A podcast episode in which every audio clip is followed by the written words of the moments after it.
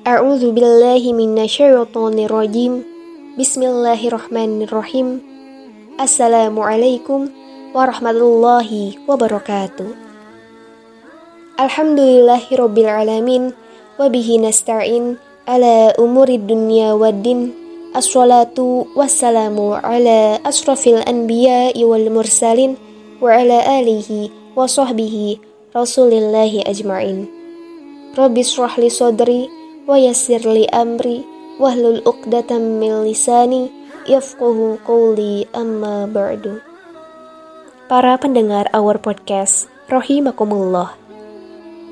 Allah dan Rasulnya mengajarkan kepada kita beberapa sikap dalam menjalani hidup agar hidup lebih terasa lapang dan juga menenangkan. Nah, salah satu sifat yang dimaksud adalah sifat sabar. Sabar ini berasal dari bahasa Arab yang berarti menahan diri. Kalau dimaknai dalam kehidupan sehari-hari, maka makna sabar ini sangat luas cakupannya. Dan saya akan sedikit menjelaskan mengenai sabar dalam menghadapi cobaan. Apa saja sih yang harus kita bangun dalam diri kita agar kita bisa bersikap sabar? Lalu apa balasan bagi orang yang sabar di hadapan Allah Subhanahu wa taala? Pada dasarnya, setiap yang bernyawa pasti akan diuji oleh Allah Subhanahu wa taala. Begitu juga dengan kita sebagai manusia yang oleh Allah dinaikkan derajatnya dari makhluk-makhluk ciptaan Allah yang lainnya.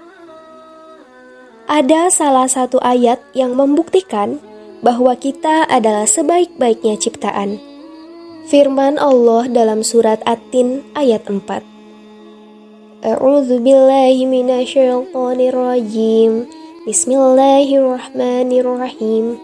Laqad khalaqnal insana fi ahsani taqwim.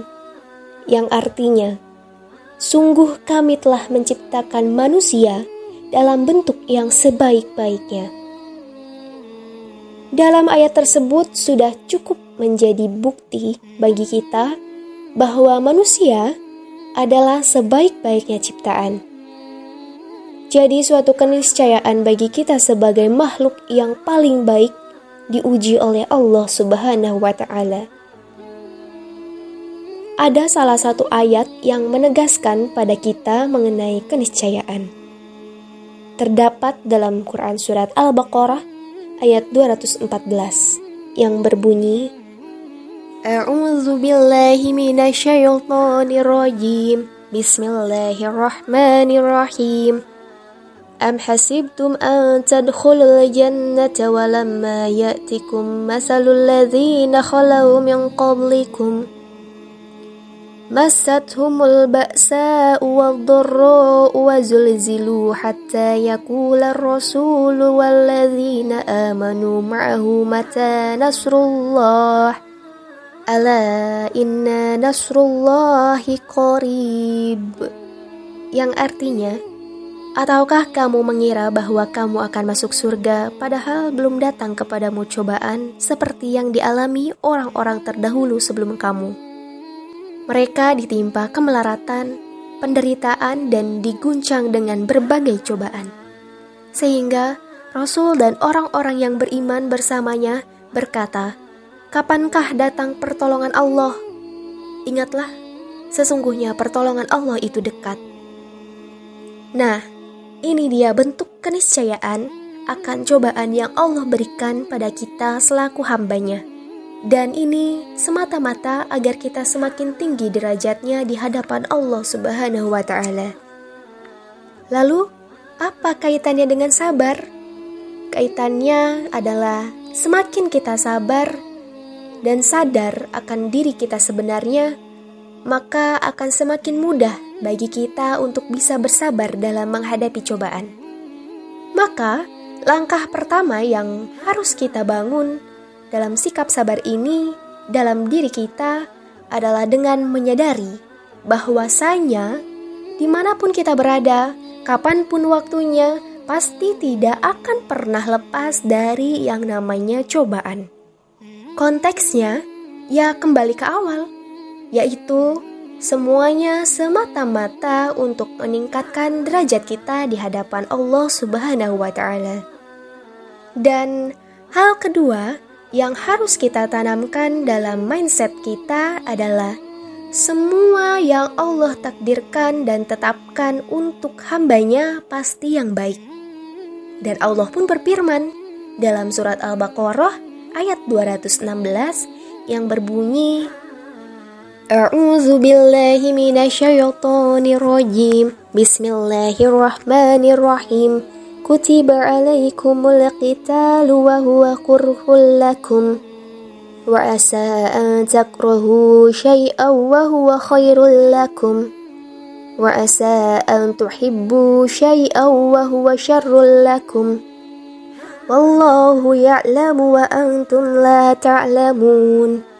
Yang artinya diwajibkan atas kamu berperang padahal itu tidak menyenangkan bagimu, tetapi boleh jadi kamu tidak menyenangi sesuatu padahal itu baik bagimu dan boleh jadi kamu menyukai sesuatu padahal itu tidak baik bagimu. Allah mengetahui sedangkan kamu tidak mengetahui. Para pendengar Our Podcast rahimakumullah, dalam ayat ini Allah memberitahu kepada kita bahwa apa-apa yang kita senangi belum tentu itu baik bagi kita. Begitupun sebaliknya, apa-apa yang menurut kita baik belum tentu juga itu baik bagi kita. Paling tidak, ada dua hal yang harus kita lakukan agar sifat dan sikap sabar ini ada dalam diri kita. Yang pertama, yaitu menyadari dengan hati bahwasanya kita sebagai makhluknya tidak akan pernah lepas dari cobaan dan juga ujian. Cobaan dan ujian ini tidak lain dan tidak bukan semata-mata agar derajat kita tinggi di sisi Allah Subhanahu wa taala. Yang kedua, yang harus kita tanamkan yaitu dalam pikiran kita, dalam mindset kita dan hati kita bahwa apa yang Allah tetapkan bagi kita adalah yang baik. Sehingga keyakinan kita akan pertolongan Allah pun akan selalu ada. Dalam Al-Quran pun Allah memberitakan pada kita tentang balasan bagi orang-orang yang bersabar dan terdapat dalam surat Al-Baqarah ayat 153 yang berbunyi A'udzu billahi minasyaitonir rajim Bismillahirrahmanirrahim يا أيها الذين آمنوا استعينوا بالصبر والصلاة إن الله مع الصابرين صدق الله العظيم yang artinya Wahai orang-orang yang beriman mohonlah pertolongan kepada Allah dengan sabar dan sholat sungguh Allah beserta orang-orang yang sabar Masya Allah Nikmat apa lagi yang lebih besar selain dibersamai oleh Allah Subhanahu wa taala? Allah menjadi tujuan kita, menjadi penjaga kita. Maka dari itu, hendaklah kita berlatih untuk selalu bersabar, bersabar, bersabar dalam situasi apa pun dan ridho terhadap apa yang telah Allah tetapkan untuk kita. Para pendengar our podcast rahimakumullah.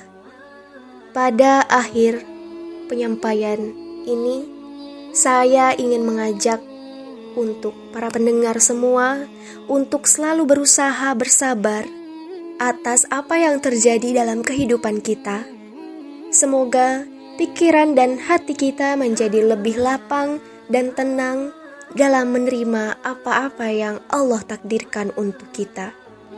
Allahul muwafiq ila aqwamit Wassalamualaikum warahmatullahi wabarakatuh.